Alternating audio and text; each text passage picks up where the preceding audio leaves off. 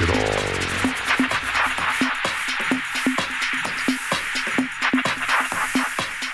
Many of the people on the dance floor also like their elements. Yeah, you know what I'm talking about. Yeah, elements.